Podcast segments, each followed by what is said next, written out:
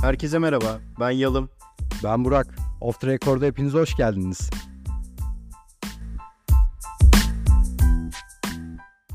Bu yayın Off the Record'un ilk yayını. Bizim için çok heyecanlı bir proje olacak.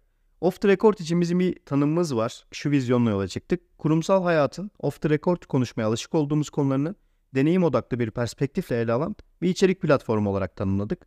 Ama bu tanımın ötesinde bu tanımı biraz daha açmamız gerektiğine inanıyorum. Burak burada ekleyeceklerin olacaktır diye düşünüyorum.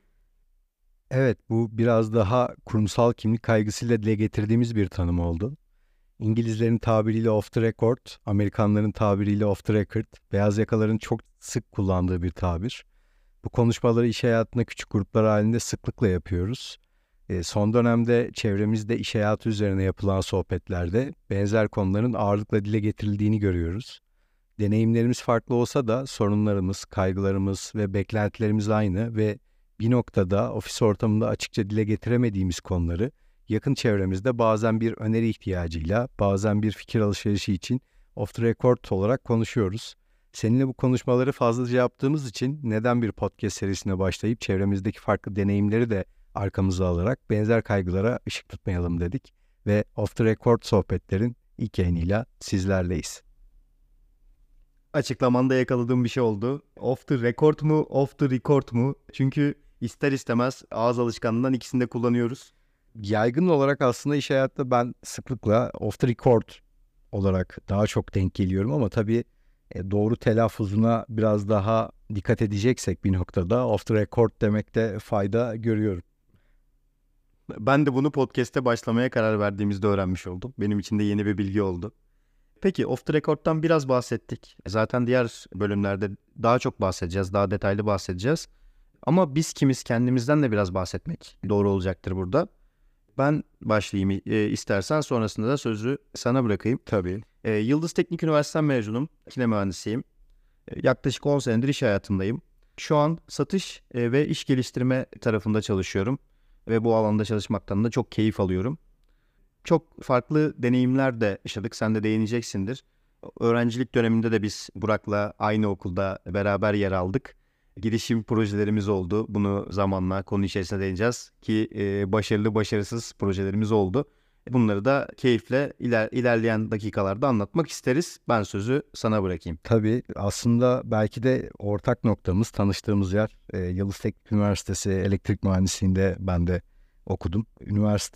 Üniversitenin belki de e, çok başlarında tanıştık seninle ve bu vesileyle de aslında birçok birlikte ortak projede, etkinlikte kulüp faaliyetlerinde, e, akabinde de farklı girişimler yapma fırsatımız oldu ki zaten tanıştığımız ilk günden beri hani ne yapabiliriz düşüncesiyle biraz hep birlikte kafa yorduk bazı şeylere. Tabii tek ortak yanımız sadece Yıldız Teknik Üniversitesi'nde okumak olmadı. Akabinde iş hayatına başladıktan sonra da belki de aynı alanlarda çalışıyor diyebiliriz kimiz için de. Ben de bilgi teknolojileri alanında çalışıyorum yaklaşık 10 yıldır. Satış ve satış öncesi alanlarında çalışmaktayım. Bu yönüyle de aslında farklı sektörlerde çalışsak da aslında benzer alanlarda çalışıyoruz diyebiliriz. Ve e, aslında daha önce de bahsettiğim gibi sürekli beyaz yakaların bu heyecanlarıyla, e, dertleriyle, günlük problemleriyle ilgili konuşurken neden aslında böyle bir şey e, yapmıyoruz diyerekten başladık. Bugün biraz tabii senin bahsettiğin gibi de heyecanlıyız. Faktan kendimizi de tanıttık. E, belki şunu da hani söyleyebiliriz. Biraz yüzeysel tanıttık. Şimdi burada biraz çalıştığımız kurumlardan bağımsız aslında bazı şeyleri konuşuyor olacağız. Yani işte o gün konuştuğumuz gündem aslında bizim belki de o gün çalıştığımız kurumlarla ilgili doğrudan ilişkilendirebileceğimiz şeyler değil. Özellikle konu seçerken genel olarak beyaz yakaların ilgisini çekecek, ilgilendiği, merak ettiği, dinlemek istediği belki konular olacak. E, bu anlamda da off the record'da bahsi geçenlerin gerçek kişi ve kurumlarla ilgisi bulunmamaktadır diye de belirtmek istiyorum. E, bu bilgilendirme çok güzel oldu. Bana Kurtlar Vadisi'ni hatırlattı gerçekten. Ya Burak şöyle ben de şunu eklemek isterim. E, ikimiz de bahsettik aslında satış kökeninden geliyoruz. Belki satışın farklı taraflarında farklı sektörlerinde çalıştık.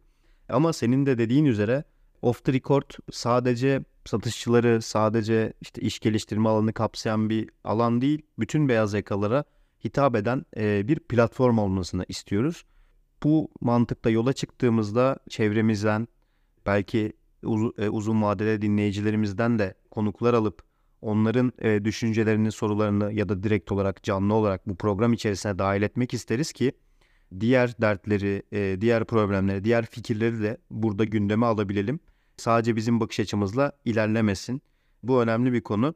O yüzden aslında işlerimizden bağımsız olmasını burada da vurgulamış oluyoruz. Sadece bizim işimizle alakalı değil, iş hayatının bütünüyle alakalı. Hem hep beraber kendimizi geliştirdiğimiz, düşüncelerimizi paylaştığımız bir platform olsun. Hem keyifli zaman geçirelim istiyoruz. E, bu arada sen e, az önce şuna değindin. Hani okulun çok başlarında tanışmıştık Burak'la. E, o kadar başlarında ki ben henüz okula kaydımı daha yeni yaptırmıştım. Daha ilk derslerime girmemiştim yani. Bir etkinlikte tanıştık. Bizi bu etkinlikler birleştirdi. Ve biz e, üniversiteden sonra yine dernek gibi e, kendi sektörümüzdeki faaliyetler gibi aktif olsak da aslında bazı aktivitelerinde eksikliğini hissediyoruz. Bence bizim kafamızdaki platform da e, bunun tamamlayıcısı olacak.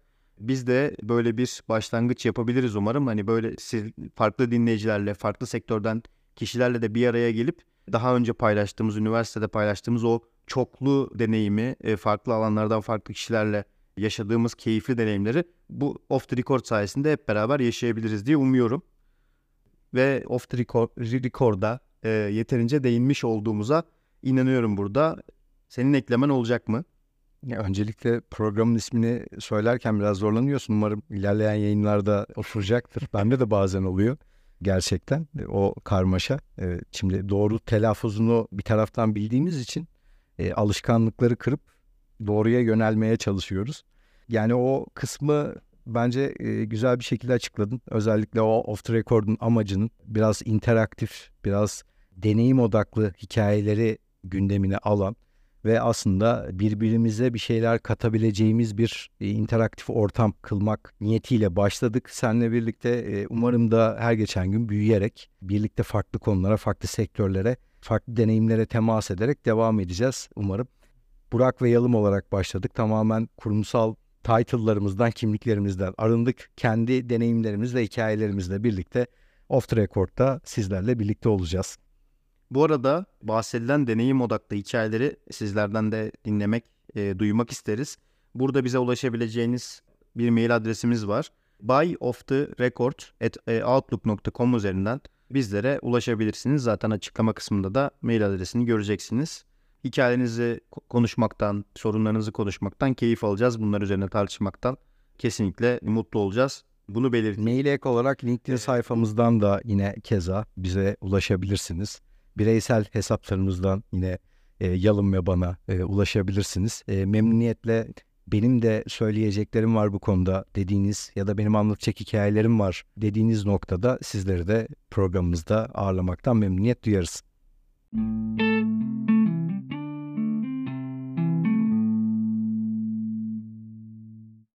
Ve artık ısındığımıza göre gündemimize geçebiliriz. E, bugün iddialı bir başlığımız var. Uzaydan çalışma.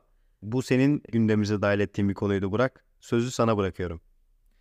Evet eminim dinleyenler şu anda uzayda çalışma başlığı ile neler konuşacağımızı merakla bekliyor. E, bu noktada okuduğum bir yazı gerçekten çok fazla ilgimi çekti. Biraz da bugünkü gündemimizi tanımlarken bu başlığı kullanmayı gerçekten çok istedim. Kellogg School of Management Yönetim ve Organizasyonlar Bölümü ile Northwestern University e, İletişim Fakültesi uzayda seyahat konusunda yaptıkları bir araştırmanın sonucunda uzaktan çalışan ekiplerle aslında uzayda çalışan astronotların çok fazla benzerlik gösterdiğini e, fark ettiklerinde NASA ile temasa geçip sonuçları birlikte değerlendirmişler ve uzaktan çalışma konusunda çeşitli çıkarımlar ortaya koymuşlar.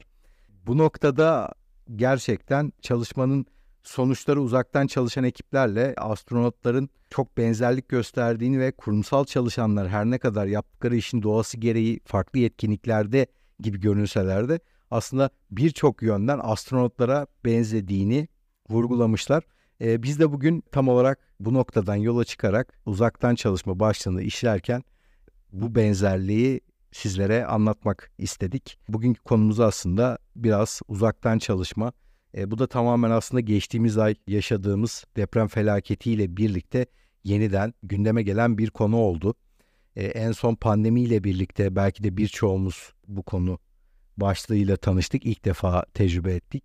Ve uzaktan çalışmanın hemen akabinde de hibrit çalışma modeliyle kurumlar bu çalışma modelini desteklemeye ve kalıcı hale getirmeye çalıştılar e, deyip e, sözü tekrardan sana bırakmak istiyorum Yalın. Burak senin de değindiğin üzere çok büyük bir felaket yaşadık ve bu felaket hepimizin aklına e, uzun zamandır beklenen Büyük İstanbul depremini getirdi.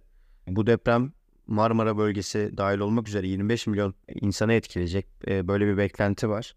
E, ve bunun çözümü olarak herkesin aklına gelen ilk çözüm tabii ki e, buradaki nüfus yoğunluğunu İstanbul'daki ve yakın bölgedeki nüfus yoğunluğunu azaltmak.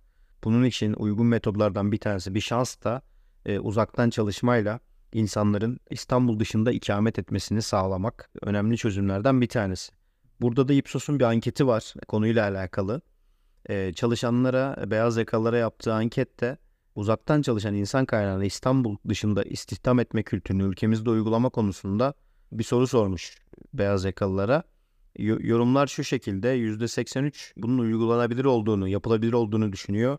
%11 oranında hayır, %6 çekimsel oy var. Bu çözüm bence ortak bir noktada buluşmuş insanlar bunu bir çözüm olarak gör, görmekte. Yine bu araştırmanın konusu içerisinde e, bence önemli bir detay da şu. Peki biz e, bu insanları İstanbul dışında istihdam edebiliriz diyoruz ama ne kadar uzaktan çalışabilir bu insanların dersek şu an çalışan kesimin %34'ü uzaktan çalışmaya uygun Ipsos'un araştırmasına göre.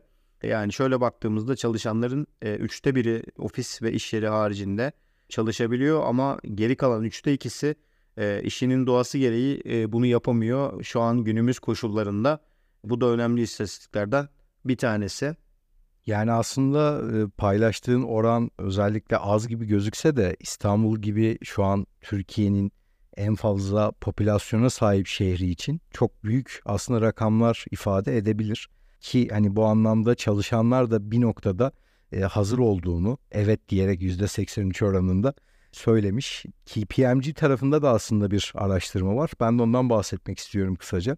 KPMG'nin 530'dan fazla şirketin katılımıyla gerçekleştirdiği uzaktan çalışmada güncel trendler başlıklı araştırmasında şirketlerin %89'u uzaktan çalışma politikasını ya şu anda uygulamakta ya da uygulamayı planlıyor e, olarak bir sonuç söz konusu. Aslında bu araştırma sonucu da bir anlamda kurumların da buna hazır olduğunu gösteriyor.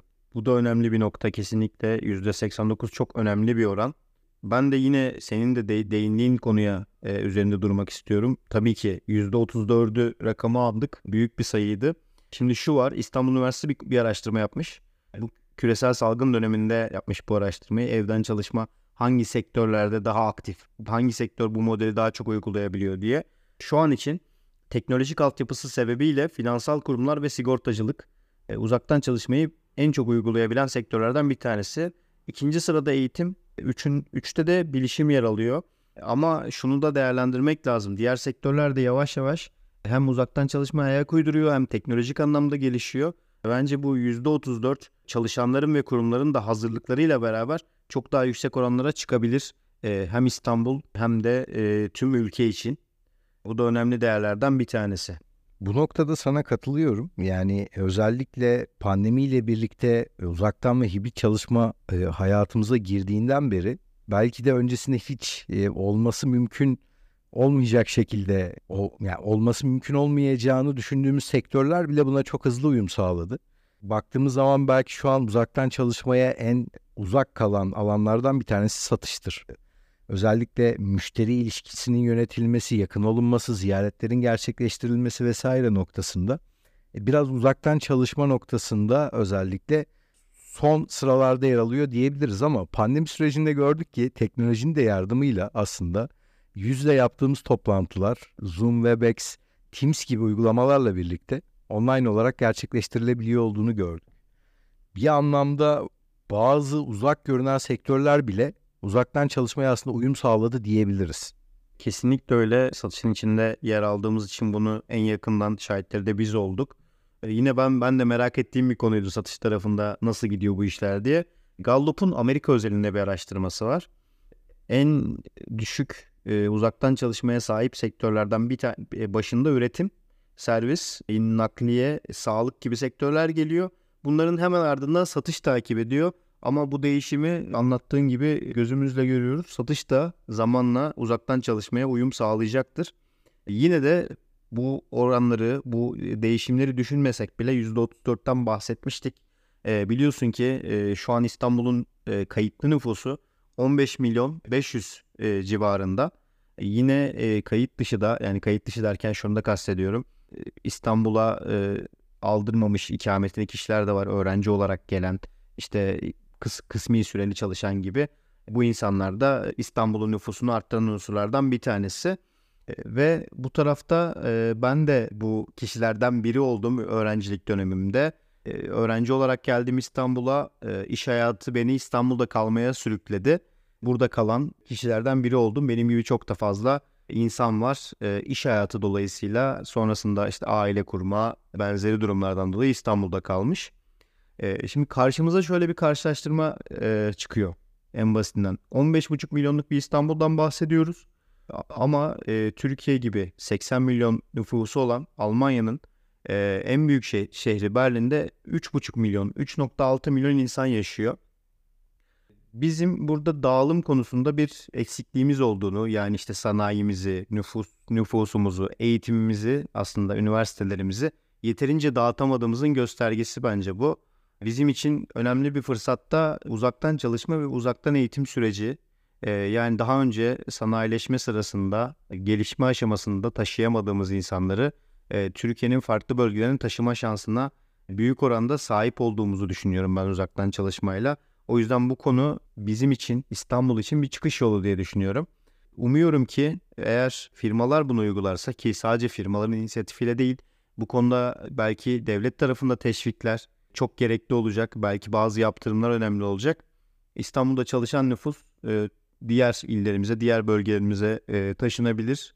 E, orada işlerine devam edebilir. Böylece hem ekonomiye katkı sağlayabilirler hem de İstanbul'daki bu büyük yoğunluğu azaltabiliriz. Sadece deprem değil, farklı bir felakette de nüfusumuzun büyük bir kısmı ve ekonomik gücümüzün büyük bir kısmı zor durumda kalmaz diye düşünüyorum. E, sen bir İstanbullu olarak bu konuda ne düşünüyorsun?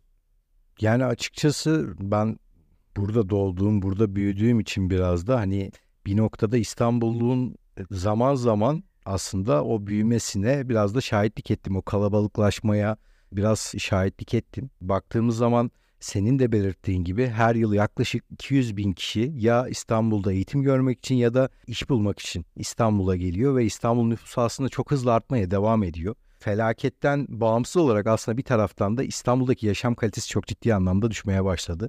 Bundan da rahatsız olan çok büyük bir kesim beyaz yakalı var zaten. Bu nedenlerden dolayı İstanbul'dan ayrılmak isteyen. E, ikinci bir koşul da aslında bir taraftan İstanbul'daki yaşam şartlarının giderek pahalılaşması ve yaşam kalitesinin düşmesi. Kiraların geldiği durum ortada ki e, beyaz yakaları da çok ciddi anlamda son dönemde zorluyor. E, kalabalık trafik ve benzeri faktörleri de bir araya getirdiğimizde gerçekten şu an İstanbul'dan aslında ayrılmak isteyen çok büyük bir kesim söz konusu. E, bu noktada kesinlikle devlet tarafından da belli teşviklerin e, olması önemli. İş kanunları ve iş yönetmeliği noktasında özellikle kurumlar şu an bunu destekliyor gibi gözükse de aslında biraz da belki de farklı regülasyonlar bu noktada yapılmalı. Aslında iş kanununda uzaktan çalışma ile ilgili bir yönetmelik söz konusu pandemiyle birlikte e, burada da bir e, düzenleme yapıldı ve aslında çok önemli de bir e, madde söz konusu. Yönetmeliğin ikinci bölümünün 14. maddesi. Şu an herhangi bir çalışan hali hazırda uzaktan çalışmıyor bile olsa şirketine yazılı olarak ben uzaktan çalışmak istiyorum diye bir talepte bulunabilir. Bu e, uzaktan çalışma yönetmeliğinin ikinci bölümünde 14. maddede açıkça aslında dile getirilmiş. Tabii ki şirket bunu değerlendirmeye alıp 30 gün içerisinde çalışana bilgi verme gibi bir yükümlülüğe sahip ama bunu aslında olumlu bir şekilde cevaplamak gibi bir yükümlülüğü söz konusu değil şu aşamada. Ama belki de özellikle tüm bu koşullar dikkate alındığında bu konuda bazı kolaylıklar sağlanabilir diye düşünüyorum. Çünkü gerçekten hem çalışanı belki e, motivasyon anlamında çok ciddi anlamda etkiliyor. Hem yaşam koşulları anlamında e, zorluyor. Belki daha mutlu çalışanlar bu noktada olabilir. Ya yani özellikle belki de hani şunu çok fazla dikkate almadık bu konuyu incelerken. Uzaktan çalışmanın verimliliği ne kadar verimli oldu ama ben biraz konuyu aslında uzaktan çalışmadan ziyade esnek çalışma koşulları olarak bakıyorum. Yani uzaktan çalışma biraz şu an evden çalışma olarak kurumlar tarafından uygulanıyor. Biraz da aslında uzaktan çalışmanın esnek çalışma koşulları altında e, çalışanın bilgisayarın ve internetinin olduğu istediği herhangi bir yerden çalışması olarak tanımlıyorum ki belki de çalışma şekillerine yeni bir tabir olarak uzaktan çalışma ve hibrit çalışmanın yanına uzaydan çalışma şekli olarak da yeni bir çalışma koşulu olarak bunu da duyurabiliriz diye düşünüyorum. Bilmiyorum sen ne konseptini çok beğendim gerçekten. Uzaydan çalışma güzel bir tanım. E, ya senin konuşmandan e, yakaladığım aslında önemli noktalar çalışanların da burada bir inisiyatifi var. Uzaktan çalışmayı talep etme şansları var. Bence bize düşen görev e, tam olarak da aslında çok güzel adlandırdığın uzaydan çalışma gibi artık bizim e, nerede olursak olalım işte ülke dışında, ülkenin neresinde işte bir bilgisayar bile internete erişim yardımıyla işimizi yapabildiğimiz yer bizim iş yerimiz. Bu konuda bizim kuşağın ve bizden e, sonraki kuşağın bir algı yaratması önemli ve bu bizim adımıza Türkiye adına bence büyük bir fırsat. Daha önce konuşmada da dediğim gibi bu konuda biz beyaz yakalılar elimizden geleni yapmalıyız.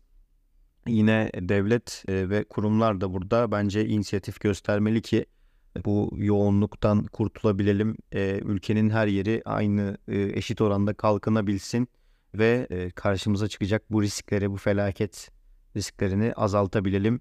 Senin de değindiğin üzere gerçekten hayat kalitemizi arttırabilirim, arttırabilelim. Uzaydan çalışalım diyorsun yani. Yani e, uzaydan çalışma modelini istediğin herhangi bir yerden çalış olarak aslında nitelendiriyor. Mevcut aslında çalışanlar üzerinden biraz e, bunu yorumladık. Şu an şirketlerin mevcut çalışanlarını belki de özellikle İstanbul'daki şirketlerin şehir dışına doğru çıkmasına ya da ülke dışına çıkmasına izin vermesi olarak yorumladık ama bir de tabii şu nokta da bence çok önemli. Mevcut çalışanları isteği dışında farklı bir lokasyona gönderebilmek çok kolay değil. Kendi isteğiyle gitmesi daha olası. Fakat bir de şöyle bir konu söz konusu. Şirketlerin aynı zamanda bir şehir dışı istihdam politikasının bence olması gerektiğini düşünüyorum. Özellikle İstanbul'daki büyük şirketlerin artık biraz da uzaktan çalışmayı destekleyen şirketlerin şehir dışından personel istihdam etmesinin de çok önemli katkı vereceğini düşünüyorum. Hem eğitim anlamında bence bu çok önemli olacaktır. Ee, İstanbul dışındaki üniversitelerle belki işbirliği yoluna gidip bu istihdamı destekleme noktasına gidilebilir. Hem bununla birlikte İstanbul dışındaki üniversitelerin de bir anlamda Anadolu'dan gelen gençleri İstanbul'da okumanın dışında ötesinde e, bir noktada fırsat yarattığında görme şansları olur. Aynı zamanda e, Türkiye'nin en büyük e, şirketlerine girmek için yalnızca İstanbul'da okumak ya da İstanbul'da yaşamanın zorunlu olmadığını da bir anlamda göstermiş olabilirler diye düşünüyorum. Sana bu konuda yüzde yüz katılıyorum. Ee, bu ciddi anlamda bir fırsat eşitliği yaratacaktır. Bunun güzel yanları sadece burada çalışan insanlar için değil, bu şirketlerde çalışan insanlar için değil, aslında tüm toplum için olacaktır. İnsanlar doğduğu, büyüdüğü yerde de bir şekilde uzaktan çalışarak değer yaratabilecekler. Oraya da katkı sağlayabilecekler. Belki eğitimle kazandıklarını, o global firmalarda, büyük ölçekli firmalarda öğrendiklerini kendi bölgelerine de yansıtabilecekler. Çok güzel, değerli bir yorum oldu.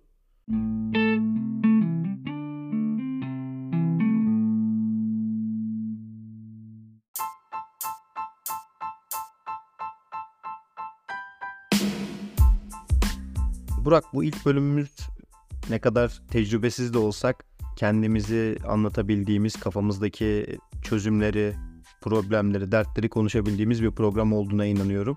Umuyorum önümüzdeki programlarda bunun daha iyisini yapabiliriz. Daha güzel e, deneyimler yaşayabiliriz. Ve e, sadece biz değil programın başında anlattığımız üzere konuklarımızdan, dinleyicilerimizden aldığımız yorumlara ve sorulara detaylı bir şekilde değinebiliriz. Ben herkese, dinleyen herkese buraya kadar teşekkür ediyorum. Ee, görüşmek üzere diyorum. Ben de bizi dinlediğiniz için çok teşekkür ediyorum. Sürçülisan ettiysek affola. Bir sonraki yayınımızda tekrardan görüşmek üzere.